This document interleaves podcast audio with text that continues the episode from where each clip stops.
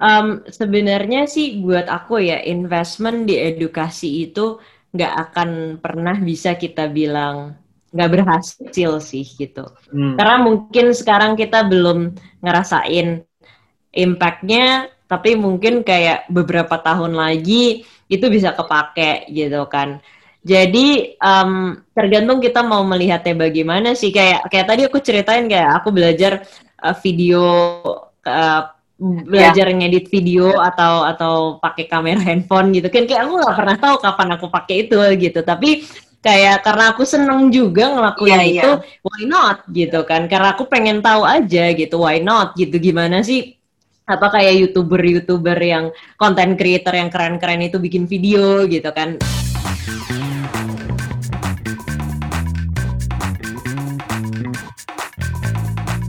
Hey guys, welcome back to Dompet Millennial, personal finance podcast di mana kita ngomongin savings, investing, dan really apa semua hal-hal impact dompet kita lah ya. You're always here with Sammy and Samira. Hey Samira. Hi, how are you doing Sam? Baik, baik. How are you? Baik. Oke, okay, hari ini adalah first year since COVID, by the way, just letting you guys know that today is the first day that we got our first case of COVID and it's one year, satu tahun yang berlalu. Tapi I hope everybody's still happy, healthy, and full of blessings. This is like a reverse of an anniversary ya, Kat. Yes. You, it's not something you want to celebrate. No, it's not something we want to celebrate. Tapi hari ini I'm super excited. Okay, that that's it. Hari ini aku sangat-sangat uh, senang karena uh, I'm totally fangirling uh, with our uh, guest today, Ka Alamanda Shantika. Super excited to have her on board. Sam, if you don't know who she is, karena you're new to Indonesia, yeah. maybe you should know who she is because she's kind of like a public figure.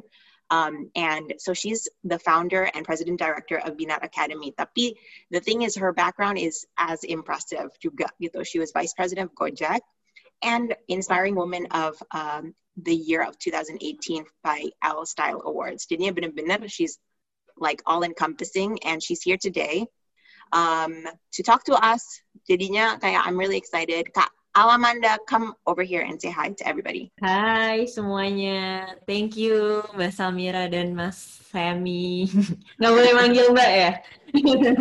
Aja Samira. Um, you can call Sammy sebenarnya adik Sammy. He's super young. Oke oke oke. Adik Sammy. Ya. dia tuh dia tuh tampangnya aja lebih mature tapi he's like oh, almost yeah. 10, yeah he's like 10 years younger. Ini belum Wow. Wow, oke okay, oke okay, oke. Okay. Siap yeah. siap siap siap. We're, we're excited to apa uh, have you on Kak. Maksudnya kayaknya kita di di podcast ini I don't think we've touched specifically topic on uh, education ya. Dan yeah. kita hmm. excited hmm. to have somebody yang benar-benar in the field yang banyak experience di di, di bagian itu. Iya, iya, iya, iya. Jarang banget juga sih aku ngomongin apa yang akan kita omongin hari ini. Jadi um, lumayan harus mikir yang pertama, karena biasanya pertanyaannya itu-itu aja ya kan. Kayaknya yang hari ini tuh lebih seru gitu dan dan ya mungkin bisa menambah banyak insight lah buat teman-teman di luar sana. Iya, so hari ini we want to talk about education as an investment sebenarnya. And I uh 100% agree with this topic karena I think this the way me and Sammy were raised is like education tuh nomor satu hmm. bener-bener kayak hmm. uh, I remember like growing up my parents didn't even allow us ya Sam kalau kita mau ambil kayak curric apa extracurricular atau kerjaan soalnya hmm. like we really needed to focus on our education dan.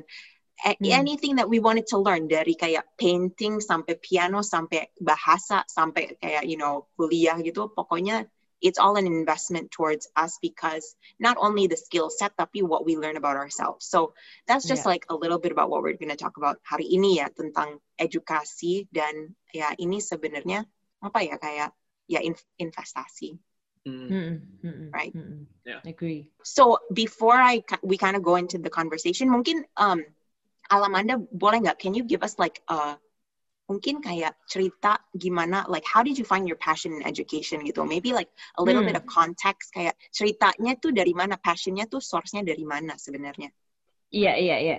Jadi sebenarnya my mom and dad itu sebenarnya mereka juga di dunia edukasi dulunya ya. Jadi papaku waktu sekolah di London dia sempat uh, ngajar di sekolah-sekolah sekolah Indonesia, ngajar jadi guru matematik gitu karena memang dia passionate banget di matematik juga. Jadi waktu makanya waktu aku umur baru umur 4 tahun tuh udah diajarin tambah-tambahan ratusan-ratusan gitu oh, karena emang oh dia suka banget gitu. Iya. dan dan mamaku juga emang sekolahnya sekolah pendidikan guru. Jadi sampai pas mereka pulang ke Indonesia mamaku itu juga sempat punya sekolah juga gitu kan. Jadi memang uh, unconsciously mungkin dari kecil tuh udah dimasukin terus ya kayak uh, ya udah ngelihat figure mereka gitu seorang guru gitu hmm. kan dan punya sekolah. Jadi dulu tuh inget kayak suka nemenin mama ngelihat survei-survei tempat-tempat buat uh, bangun sekolahnya dia gitu kan. Jadi mungkin udah nggak sadar tuh ada di kepa di belakang kepala gitu ya. Terus kayak ngelihat mama um, ngurusin student-studentnya. Jadi waktu itu mama bikin TK sama daycare gitu sama uh, les bahasa Inggris. Jadi ya kayak ngelihat dia nurturing anak-anak itu tuh kayak dari hati banget lah ya gitu ya. Yeah. kalau orang di education tuh emang kayaknya mesti punya hati yang segitunya gitu untuk bisa yeah. nyemplung ke dunia itu gitu kan. Dan um, growing up waktu sekitar SMP tuh emang aku tuh bandel ya. Jadi kayak aku suka belajar tapi super bandel. Kayak bolos sekolah terus gitu. Terus kayak ngajak teman ngerokok ngerokok gitu. Aku SMP-nya akselerasi kan. Jadi kayak teman-temanku tuh super duper nerd semua isinya satu kelas. Tapi kayak aku paling bandel sendiri. Tapi nggak kelihatan um, loh. Nggak kelihatan nggak kelihatan. Iya jadi kayak dulu nangisin guru gitu kayak uh, apa pintu kelas aku tutup terus aku kunci aku gelapin biar gurunya nggak bisa masuk kayak gitu gitulah pokoknya. Jadi jadi aku tapi seneng banget aku belajar gitu karena uh, aku suka banget matematik kan dan dan waktu SD itu kalau ditanya kamu paling senang hari apa gitu. Terus aku selalu jawab hari Selasa. Kenapa? Iya soalnya hari Selasa aku les aritmatika gitu. Oh wow. And yeah. I saw juga akhirnya waktu di binus juga your major was mathematics ya? Mathematics iya. Yeah. jadi dari situ sih aku terus juga ngelihat mulai mulai SMP mungkin ya mulai bisa berpikir tuh ngelihat kayak aku tuh suka belajar tapi aku tuh benci banget sama sekolah gitu Hmm. Kayak aku ngelihat teman-temanku tuh yang nggak bisa, mereka malah dipermalukan di depan kelas ya kan, disuruh yang nilainya jelek gitu malah dibikin malu gitu. Kayak aku mikir kayak enggak harusnya kan nggak kayak gitu gitu. Orang yang belum bisa itu ya gimana caranya kita memberikan feedback ke mereka gitu. Dan jangan dipermalukan malah dia makin lama makin gak mau belajar gitu. Iya. jadi banyak banget kayak pemikiran-pemikiran ini muncul pas SMP dan waktu SMA kalau ditanya yeah. aku abis itu mau ngapain, kenapa aku ambil matematik juga sebenarnya karena dari situ aku cita-citanya kalau lulus kuliah tuh pengen jadi guru SMA Alizar terus abis wow. itu aku really pengen iya benar jadinya bal balik ke alma mater terus kayak ngajar yes. matematika when did you have yeah. like waktu kuliah itu waktu SMA aku pengen oh. banget kayak balik ke SMA uh, masuk Alizar, eh, jadi guru di Alizar, terus aku pengen jadi dosen, terus pengen jadi guru besar gitu. Jadi itu cita-citaku waktu SMA gitu. Wow. tapi ternyata hidup tuh jalannya beda ya kan. Udah punya yeah. plan kayak gitu, tapi pas uh, ternyata opportunity yang datang tuh beda gitu. Jadi ya akhirnya aku nyemplung dulu ke dunia teknologi. Eh tapi akhirnya aku nyampe juga nih di education sekarang. Gitu oh, kurang lebih panjang ya ceritanya. No, Jadi, tapi I feel like I feel like that's kind of amazing because your passion itu starts with the education, the discipline. Karena ada banyak juga yang creates like online education tuh um, passionnya tuh di technology dulu, and then they hmm. see that oh I want to enable the education hmm. sector menjadi yeah. um, accessible. Tapi yours actually is the opposite gitu kan, which is I feel yeah, like yeah, it started from the heart really. Iya, iya, iya. Makanya emang kita kan mulainya juga kan very conventional ya Binar Academy. Kita nggak ada teknologinya segala, segala macam. Dan emang yang mau aku build itu adalah sekolah de democratizing higher education lah gitu. Kayak contohnya yang tadi aku bilang gitu ya, kita nggak mau um, di sekolah tuh oh, anak-anak dijudge nggak bisa gitu kan. Nggak mau ada kayak uh, ulangan-ulangan gitu kan yang bikin nilai jelek terus orang nggak mau belajar lagi gitu.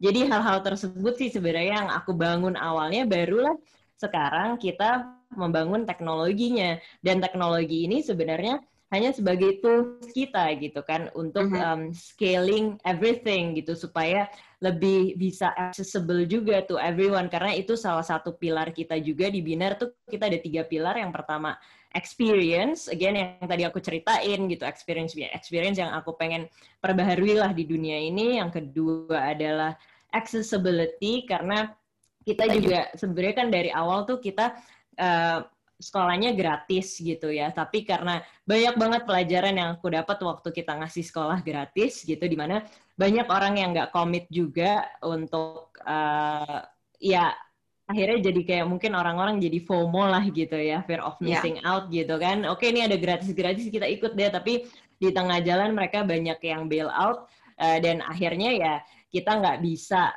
sustain lah dengan hal seperti itu. Makanya tetap sekarang kita kalau di compare sama tempat eh, lain yang serupa lah, kita masih uh, bisa dibilang harganya 7 sampai 10 persen lah dari sana. Oh, karena wow. kita memang benar-benar ya, karena kita wanna make it accessible. Yes, accessible. Ha -ha. Karena emang kita pengen banget yang kita pengen grab itu justru adalah anak-anak di uh, luar Jawa gitu ya. Hmm. Karena aku itu pas keluar dari Gojek aku kan banyak keliling Indonesia, aku banyak ngobrol sama anak-anak SMA, anak-anak kuliah di sana gitu. Yang aku lihat adalah masalahnya terbesar adalah memang informasi gitu ya. Ternyata Indonesia tuh luas banget gitu. Kayak sesimpel gini deh, kita ngomongin sepeda fiksi gitu ya. Yeah. Kayak sepeda fiksi mungkin udah hype di tahun 2005 gitu di Indonesia gitu. Tapi yeah. kayak di Bandung aja tuh mungkin baru telat lah kayak telat dua tahun lah gitu ya. Atau di Jogja gitu mungkin telat lima tahun gitu kan. Jadi itu aja yang yang hype yang tren uh, sesuatu yang yang konsumerism lah gitu ya. Bagaimana mengenai edukasi edukasi lah gitu. Jadi kayak mereka informasinya sangat kurang banget di sana. Kayak aku tanya hal simple gitu ya misalnya kayak kamu tahu nggak um, Tokopedia apa? Eh enggak aku tanya dulu kayak kamu tahu nggak digital startup apa gitu kan? Terus mereka bilang nggak tahu gitu. Terus kamu tahu Tokopedia tahu Gojek? Tahu gitu. Kamu tahu Tokopedia tahu Gojek itu digital startup? Nggak tahu gitu kan? Oh. jadi kayak iya uh, jadi kayak itu itu itu uh, sekitar dua tahunan yang lalu aku ke Kupang gitu ya. Dan dan jadi memang di sini again kayak even kayak mereka tuh nggak tahu orang-orang yang kerja di belakang unicorn itu seberapa banyak dan siapa aja orangnya. Mereka kira tuh cuman kayak lima orang aja ada coder gitu kan ya. Jadi ya, iya, iya. informasi balik lagi ya informasi yeah. itu tuh sangat sangat sangat minim. Jadi memang uh, kita pengen banget binar itu bisa diakses sama sama semua orang lah di Indonesia gitu. Makanya kita buat teknologinya juga untuk bisa menyampaikan hal ini gitu. Yang terakhir sebenarnya konten gitu. Karena aku ngelihat juga um, kita di Indonesia terutama di higher education gitu ya. Memang kan namanya birokrasinya juga panjang untuk kita membuat sebuah jurusan baru atau apa gitu. Tapi kayak misalnya kita ngomongin psikologi ya dari dulu psikologinya di Indonesia psikologi aja gitu kan. Sedangkan yeah. kayak kalau kita di luar kan udah berbagai macam lah ya um, apa cabangnya dari psikologi itu gitu. Jadi um, aku juga ngerasain banget waktu aku kerja dan pas kuliah itu karena kan aku eh, Indonesia banget ya kuliahnya ya. Jadi kayak kerasa beda beda banget yang kita pelajari di kuliah sama yang sebenarnya harus kita pakai di dunia kerja dan itulah yang kita pengen pokoknya konten-konten kita harus selalu relate ke dunia industri tapi juga jangan lupa relate ke anak-anaknya. Jadi kita tuh uh, apa materi-materi kita itu tuh sangat santai dibawa ini dengan bahasa Indonesia juga dengan analogi-analogi. Karena kan mengajarkan digital skill itu kan banyak uh, terms-terms yang aneh-aneh yang orang tuh yeah. suka nggak ngerti gitu ya. Jadi kita menyederhanakan banget lah bahasanya. Jadi kurang lebih itu. Ya. Kalau Binar Academy itu is it just kayak uh, certification atau uh, webinar webinar gitu? Atau dua-duanya? Iya jadi Dua-duanya betul. Jadi kita ada yang intensif kelasnya, itu 4 sampai 6 bulan dan kita fokus di digital skills ya karena aku kan backgroundnya di digital jadi yang aku paling tahu itulah untuk saat sekarang ya. gitu. Uh, jadi banget. kita ngajarin, iya betul kita ngajarin product management, bagaimana membuat ide-ide untuk membuat aplikasi, kemudian UI UX, bagaimana mendesain sebuah aplikasi sampai codingnya gitu, programmingnya Android dan full stack web. Itu uh, ada yang kelas intensif itu selama 4 sampai 6 bulan. Itu nanti ada ada mentornya juga tapi uh, nanti akan ada kelas-kelasnya tapi sebelum kelas juga akan diberikan materi. Karena kita memang mau uh, anak-anak Indonesia juga bisa belajar untuk belajar sendiri ya kan learn how to learn gitu. Yes. Dan iya jadi kayak pas di kelas itu mereka lebih kepada discussion gitu kalau mereka masih belum bisa dan bisa ngobrol bareng sama teman-temannya gitu karena menurut kita juga uh, yang namanya psychosocial aspect dalam pembelajaran itu masih perlu artinya adalah di saat kita itu ketemu sama teman-teman kadang-kadang kayak ada ide-ide baru muncul atau kita bisa belajar dari teman kita gitu kan dibanding kita belajar sendiri full online gitu. Jadi itu um, kita ada bootcamp intensif kelasnya, kemudian ada juga yang kayak webinar-webinarnya juga gitu. Jadi download app kita karena sebentar lagi juga akan ada produk-produk baru yang akan muncul yang lebih seru lagi daripada itu. Yes, Terus, langsung ke Binar Academy ya. Terus Kenapa, Sam?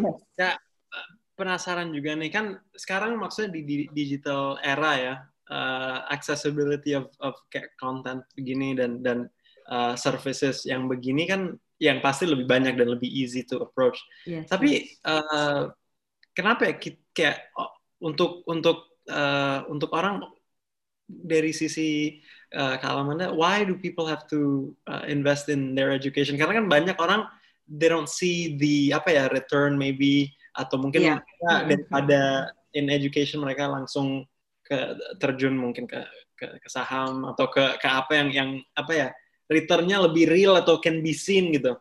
Iya uh, iya iya iya. Iya mungkin aku cerita dari pengalamanku dulu ya karena aku tuh um, pernah mengalami di mana dulu kan papa papaku lumayan sukses lah ya lumayan berada gitu kan um, ya kayak aku minta apa aja juga bisa dibeliin lah sama dia gitu ya. Uh, tapi terus tiba-tiba papaku kena stroke yang kedua di umur aku 17 tahun.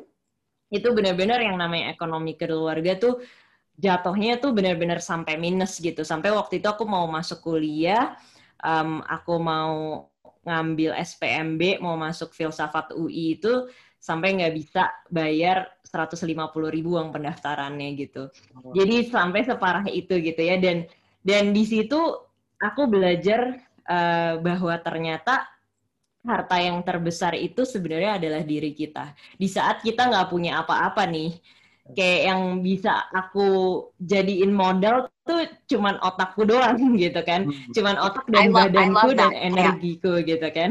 Pengen di highlight banget aset yang paling besar adalah diri kita sendiri gitu ya.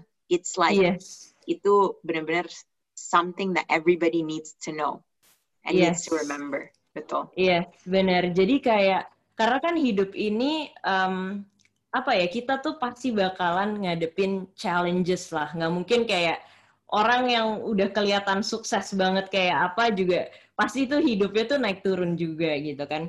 Dan yes. di saat kita ada di titik paling terendah ya again yang kita punya tuh cuman diri kita doang gitu. Di situ itu tuh aku belajar banget tentang hal itu gitu ya. Aku nggak bisa nggak bisa rely on apa-apa lagi gitu. Aku cuman bisa gimana caranya gue bertahan hidup gitu kan. Akhirnya aku um, karena aku suka matematik fisika kimia akhirnya aku jadi guru uh, guru les lah guru les-lesan anak-anak SMP SMA gitu anak SD juga gitu jadi ya yang menyelamatkan aku cuma itu doang gitu dan di situ aku juga belajar kayak kadang-kadang ya kita tuh kan kalau punya harta tuh kayak misalnya uh, kita tiba-tiba punya mobil Porsche atau McLaren gitu kan. Iya, iya, iya. Itu kan ya. kita sayang banget kan gitu kan ya, pasti ya. kan kayak oh ya. nyarinya nyari duitnya udah susah nih gitu. Terus kayak kita polesin kalau bisa tiap hari gitu. Iya, Tapi iya. kadang-kadang kita lupa bahwa again ya itu harta yang terbesar tuh diri kita. Kadang-kadang kita kayak ya udah mandi jadi rutinitas, makan jadi rutinitas gitu kan. Padahal kayak inilah yang harus kita sayangi Iya. dan kalau nggak ada diri kita tuh kita nggak bakalan survive lagi gitu. Jadi itu yang aku pelajarin terbesar. Yang kedua juga um, apa ya kayak eh yang kedua itu adalah memang benar-benar planning gitu ya kayak karena waktu itu papaku itu nggak punya insurance gitu kan nggak punya insurance eh, dan yang nggak punya apa-apa dan ya udah akhirnya benar-benar ekonomi itu jatuh.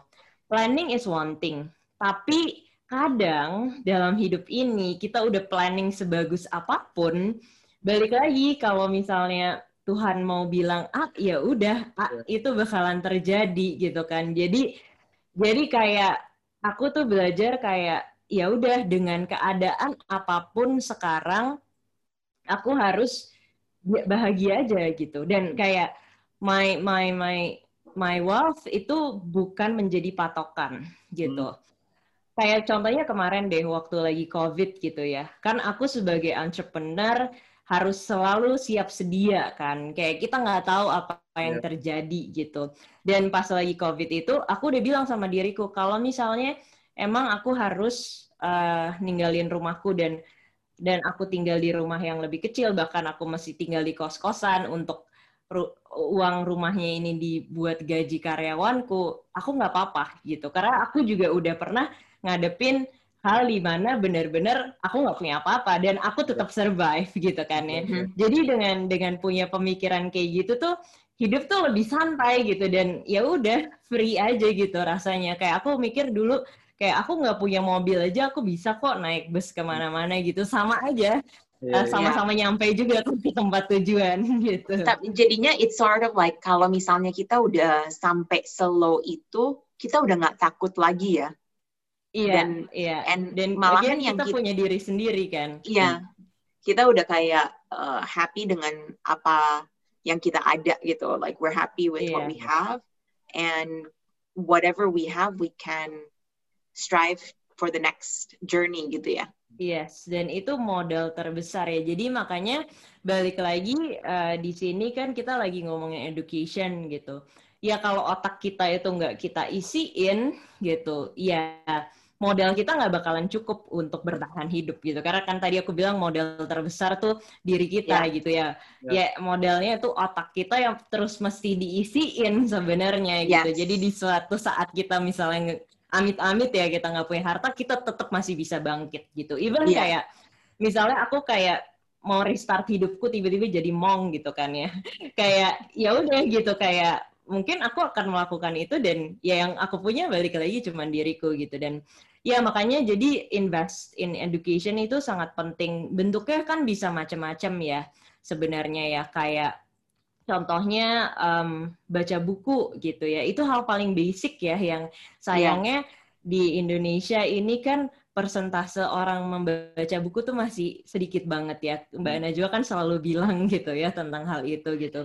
Dan aku ngerasain sendiri modalku untuk berkembang itu dulu cuman ke Kuitang gitu.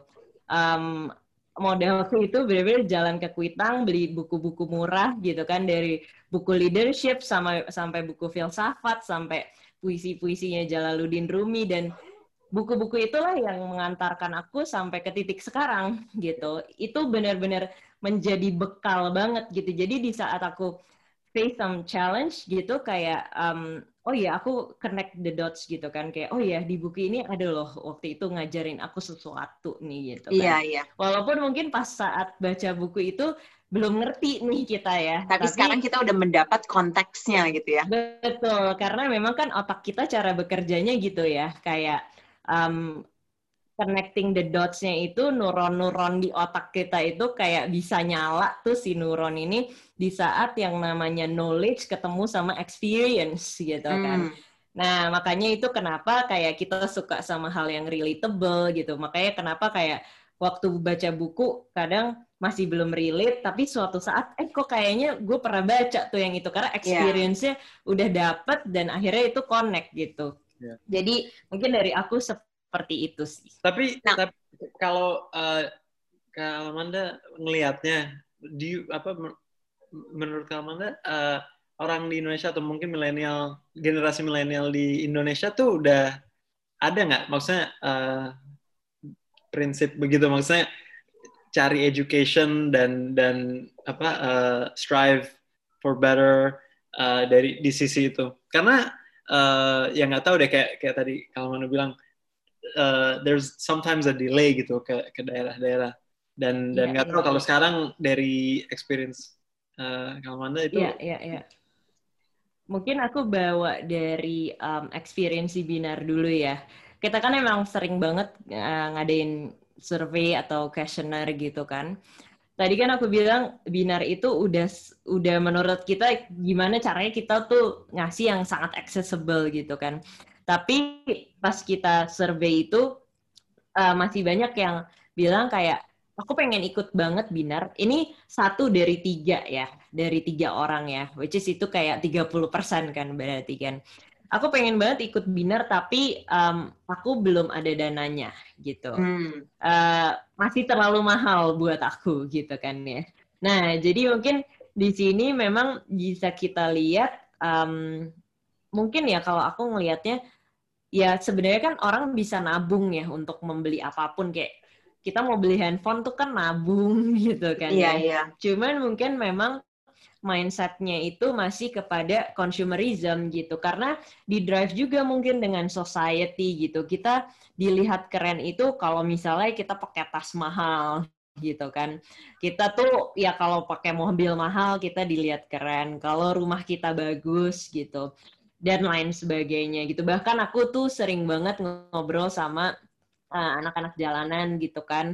Uh, sering ya mereka sahabatku juga lah ya gitu. Kita sering bertukar pikiran kayak akhirnya aku ngerti gitu sudut pandangnya mereka. Contohnya sesimpel ya kayak buat mereka tuh punya dua nomor handphone tuh udah keren banget gitu. Instead of kayak kamu sekolah gitu, kamu masih yeah. sekolah gitu. Tapi kayak punya dua nomor handphone tuh artinya dia bisa beli handphone dua dan ya. udah dilihat sama tetangga-tetangga itu sesuatu yang wow banget gitu. Jadi memang itu yang masih um, menjadi apa ya sebuah challenge juga untuk kita mengedukasi bahwa um, ya yang namanya edukasi ini memang sebuah investment yang long term gitu bahkan sampai kita tua nanti gitu kan ya. sebenarnya. Ya are you do you see sebenarnya mereka itu lebih mikir short term aja gitu kayak what I can have mungkin today yeah. gitu. Apakah juga karena itu survivalnya mereka gitu? You know? Iya. Yeah. I think itu survivalnya mereka sih karena um, karena ya kalau ngomongin uh, teman-teman aku yang di jalan itu mereka lebih penting kan oke okay, gue sekarang yang penting bisa makan gitu kan yeah. ya sebenarnya sekarang menjadi kebutuhan primernya mereka itu handphone, beli handphone gitu iya. kan. Yeah. Itu kan hal-hal yang seperti itu gitu ya. Jadi education tuh ya udah mereka kalau nggak bisa sekolah ya nggak usah sekolah. Padahal juga sekolah sekarang sekolah SD kan juga udah gratis juga ya kalau nggak salah sampai SMP bahkan gitu. Nah yeah. itu sih kira-kira. Nah, kalau misalnya kita ngomongin investasi ke education, sebenarnya caranya tuh bagaimana? Because you had mentioned sebenarnya cukup dengan baca buku kan. Tapi kalau misalnya we're talking about societal standards gitu kayak uh, you wanna improve your career atau apa gitu. Yeah. Uh, cukup ikut short class atau misalnya seminar atau workshop atau misalnya ya lebih yang lebih resmi misalnya ya S1, S2, S3 gitu. Like what do you think sebenarnya yang yeah. mungkin yang paling efektif gitu? Iya. Yeah. Uh, I think it depends on your needs. Sebenarnya mungkin aku kasih tips dulu ya. Gimana sih cara kita mendorong diri kita sendiri nih untuk hmm. belajar. Belum berpikir kayak gue mau invest di mana nih gitu ya. Kayak kan kadang-kadang kita tuh susah ya untuk nge-push diri kita tuh buat baca buku misalnya gitu kan. Nah, kalau aku ya, yang udah aku rasain selama ini sih sebenarnya banyak nyemplungin diri ke hal yang kita belum tahu. Gitu. Hmm. Kayak misalnya aku nih, aku jadi CEO. Karena aku belum pernah ya jadi CEO uh, eh, company yang sebesar Binar sekarang gitu. Dan kayak dulu aku kebanyakan kan di produk and teknologi gitu. tiba-tiba aku masih tahu marketing, tiba-tiba aku masih belajar finance juga gitu dan dengan dengan nyemplungin diri kayak gitu, akhirnya mau nggak mau aku belajar gitu. Nah dulu itu aku juga sering waktu masih kerja, aku tuh nyemplungin diri kayak gitu gitu. Bahkan kayak orang-orang kan paling sebel kalau dikasih kerjaan tambahan kan. Nah kalau aku tuh justru datang ke bosku, aku bilang kayak bos aku mau minta kerjaan tambahan dong gitu kan iya. karena karena buat aku buat aku nabung experience itu hmm. itu yang akan membuat kamu kaya suatu sehari nanti okay, gitu ya. Another thing, nabung experience akan membuat kaya. Betul banget. I totally agree. Iya kayak uh, kayak apa namanya karir karir pas aku tuh kan juga uh, lumayan cepat lah ya gitu ya. Kayak sekarang aku salah satu komisaris muda di BUMN gitu kan. Walaupun di anak perusahaan BUMN gitu ya. Karena karena itu tadi gitu. Um, aku selalu eh, mikir kalau di pekerjaan gitu ya. Itu tuh bukan yang transaksional kayak oke okay, aku ngerjain 100% aku dapat 5 juta misalnya gitu. Kalau aku ngerjain 120%, aku berarti harus minta 6 juta dong gitu. Tapi padahal 20% itu bisa kita tabung sebagai experience kita dan itu nanti pas udah berapa tahun kemudian itu bisa jadi lebih banyak lagi gitu kan. Kayak yang tadi aku bilang sekarang aku bahkan jadi uh, komisaris muda gitu di BUMN yang itu hasil dari aku nabung experience gitu dan jangan pelit-pelit ke diri sendiri untuk nabung experience sebenarnya. Yeah. Nah, jadi itu mungkin kayak cemplungin diri dan terus punya dengan kita punya mindset seperti itu otomatis growth mindset kita pasti kebuka kan sesimpel kita tuh mau open aja otak kita kan punya growth mindset itu. Nyemplungin diri terus abis itu uh, mau nggak mau kita harus belajar berenang ya kan? Jadi akhirnya kita belajar tuh gitu. Nah, yang kedua adalah dengan curiosity gitu ya. Kayak, oke, okay, gue curious banget nih mau mau mau belajar tentang ini gitu. Uh, dan dan I think setelah itu baru kita ngomongin nih, ada berbagai macam cara belajar di luar sana termasuk ya tadi kita udah ngomongin baca buku, seminar dan lain-lain. Nah, sebenarnya biasanya kalau aku itu uh, lebih kepada mikirnya dari sisi waktu juga gitu dari sisi waktu uh, kira-kira aku bisa spend berapa lama waktu dalam seminggu dan kira-kira kelas-kelas apa aja yang bisa aku ikutin gitu kan. Nah sekarang ini juga kan kelas tuh udah banyak banget ya di internet gitu kan. Jadi um, pilihan untuk belajar tuh nggak ada yang kalau dulu aku waktu belajar coding tuh cuman aku cuman dari satu buku dari Gramedia doang waktu aku umur 14 tahun ya.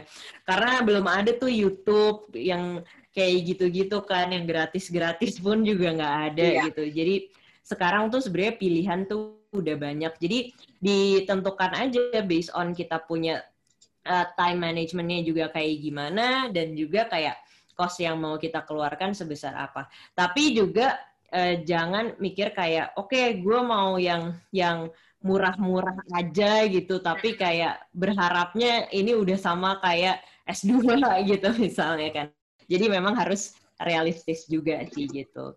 Jadi mungkin itu ya kayak uh, pertimbangan-pertimbangannya dan dan dan balik lagi semua orang tuh sebenarnya punya cara belajar yang berbeda-beda kan. Kayak dan temukan temukan cara belajar kamu gitu kayak aku tuh nggak begitu suka denger podcast gitu karena aku orangnya visual gitu misalnya. Hmm, ya, ya. Tapi ya nanti aku pasti dengerin dompet milenial.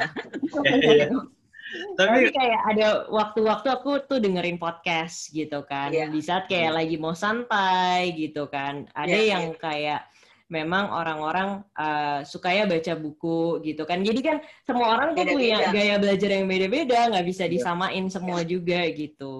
Kayak gitu sih. you have something to say? Oh ya enggak, tadi mau uh, agree juga ya. Tiap orang pasti uh, learning style-nya beda banget. Um, tapi on on the subject tadi kayak soal um, uh, apa ya nyiapin uh, either waktu atau atau dana untuk untuk kayak uh, nge-invest balik nih ke ke knowledge kita.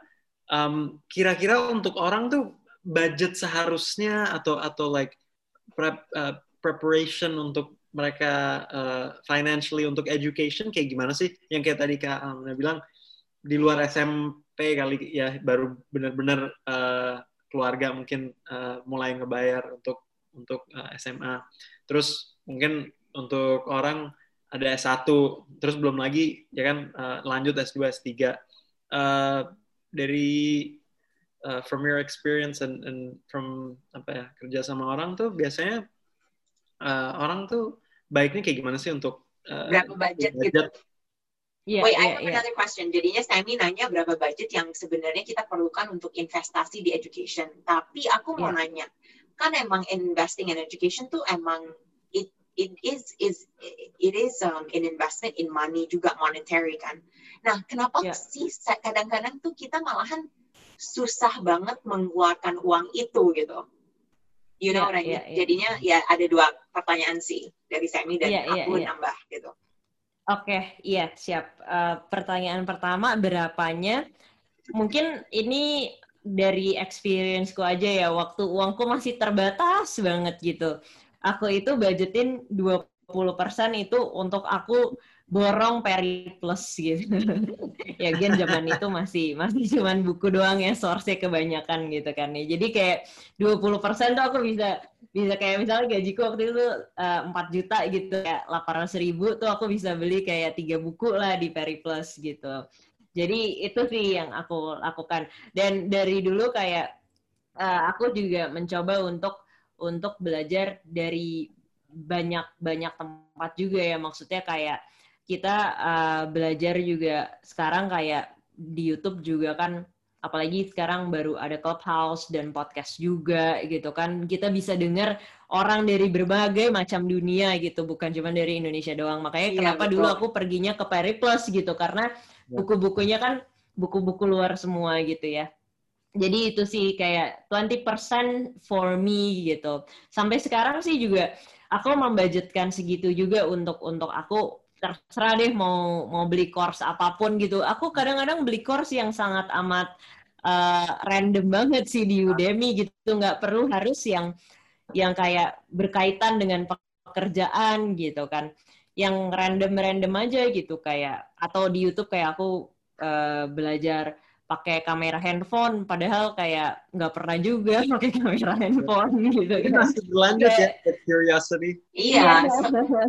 That's the Pengen thing, tahu like, aja gitu. Iya, curious, uh, curiosity dan passion buat um, belajar itu sebenarnya harus di apa ya? Ya, yeah, you need to have it gitu.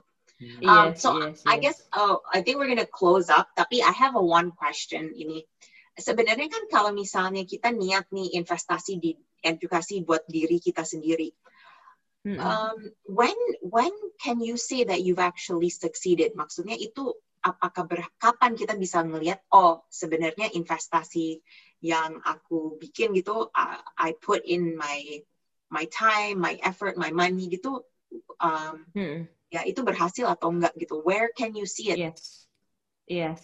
Um, sebenarnya sih buat aku ya investment di edukasi itu nggak akan pernah bisa kita bilang nggak berhasil sih gitu. Hmm. Karena mungkin sekarang kita belum ngerasain impactnya, tapi mungkin kayak beberapa tahun lagi itu bisa kepake gitu kan.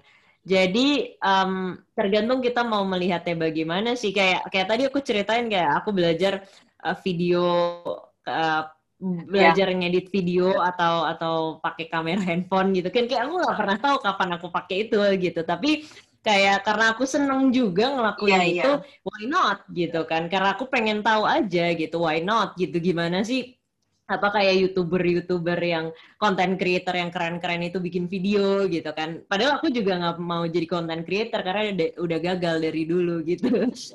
jadi jadi ya udah emang cuman cuman um, menginikan rasa penasaran. Jadi again kalau buat aku sih investment di edukasi itu nggak akan pernah ada yang uh, berhasil atau nggak berhasil ya. Dan yeah. juga mungkin aku juga sedikit cerita ya karena um, aku aku kan dari umur 25 tahun itu invest di uh, startup-startup company lah ya gitu. Startup-startup yang kecil banget gitu jadi angel investor gitu.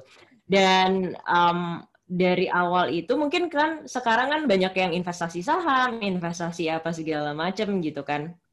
Uh, dan dan di situ aku sebenarnya juga bukan mikirin capital gain-nya, bukan mikirin cuannya gitu. Yang pertama adalah aku pengen uh, invest ke satu company yang emang aku suka gitu. Hmm. Yang kayak industrinya tuh lagi pengen aku tahu gitu karena yeah, dengan yeah. aku invest terus kayak CEO-nya run, runs the company gitu terus kayak kita sering ngobrol-ngobrol aku jadi tahu oh gini ya caranya dan uh, karena aku punya banyak portofolio itu jadi waktu aku jadi CEO tuh aku juga belajar sebenarnya dari mereka gitu oh yang satu tuh cara ngeran company-nya gini yang satu gini yang satu gini wow. gitu kan Nah, walaupun kayak dari 90% dari sarap yang aku invest itu gagal, akhirnya tutup gitu. Tapi gak ada yang gagal gitu, karena dari situ memang aku nggak dapet gainnya, duitku malah hilang gitu kan. Tapi aku dapet ya sesuatu yang lebih berharga yaitu adalah uh, pengalaman dari kegagalan. Wow, iya, betul. I think that's a huge thing. Pengalaman dari kegagalan is one of the biggest lessons that you'll have sebenarnya. Iya. Iya, that's, that's itu interesting banget. Kayaknya baru pertama kali deh aku dengar orang invest untuk belajar tentang company-nya lebih dalam itu hebat sih. Um, iya ini, kan.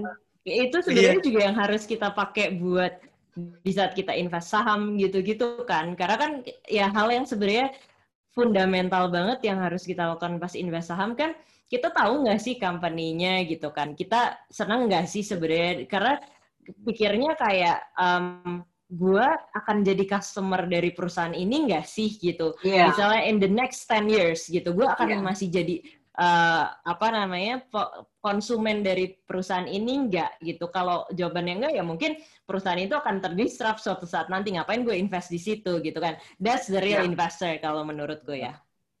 Iya. Yeah. Yeah, Ini mungkin on on the last closing topic. Um, Kak bisa uh, terangin nggak mungkin ke listeners kita Binar Academy itu yang pertama apa uh, dan juga like upcoming uh, events that that are happening mungkin uh, that people can join yeah, yeah, yeah. if they can be interested in.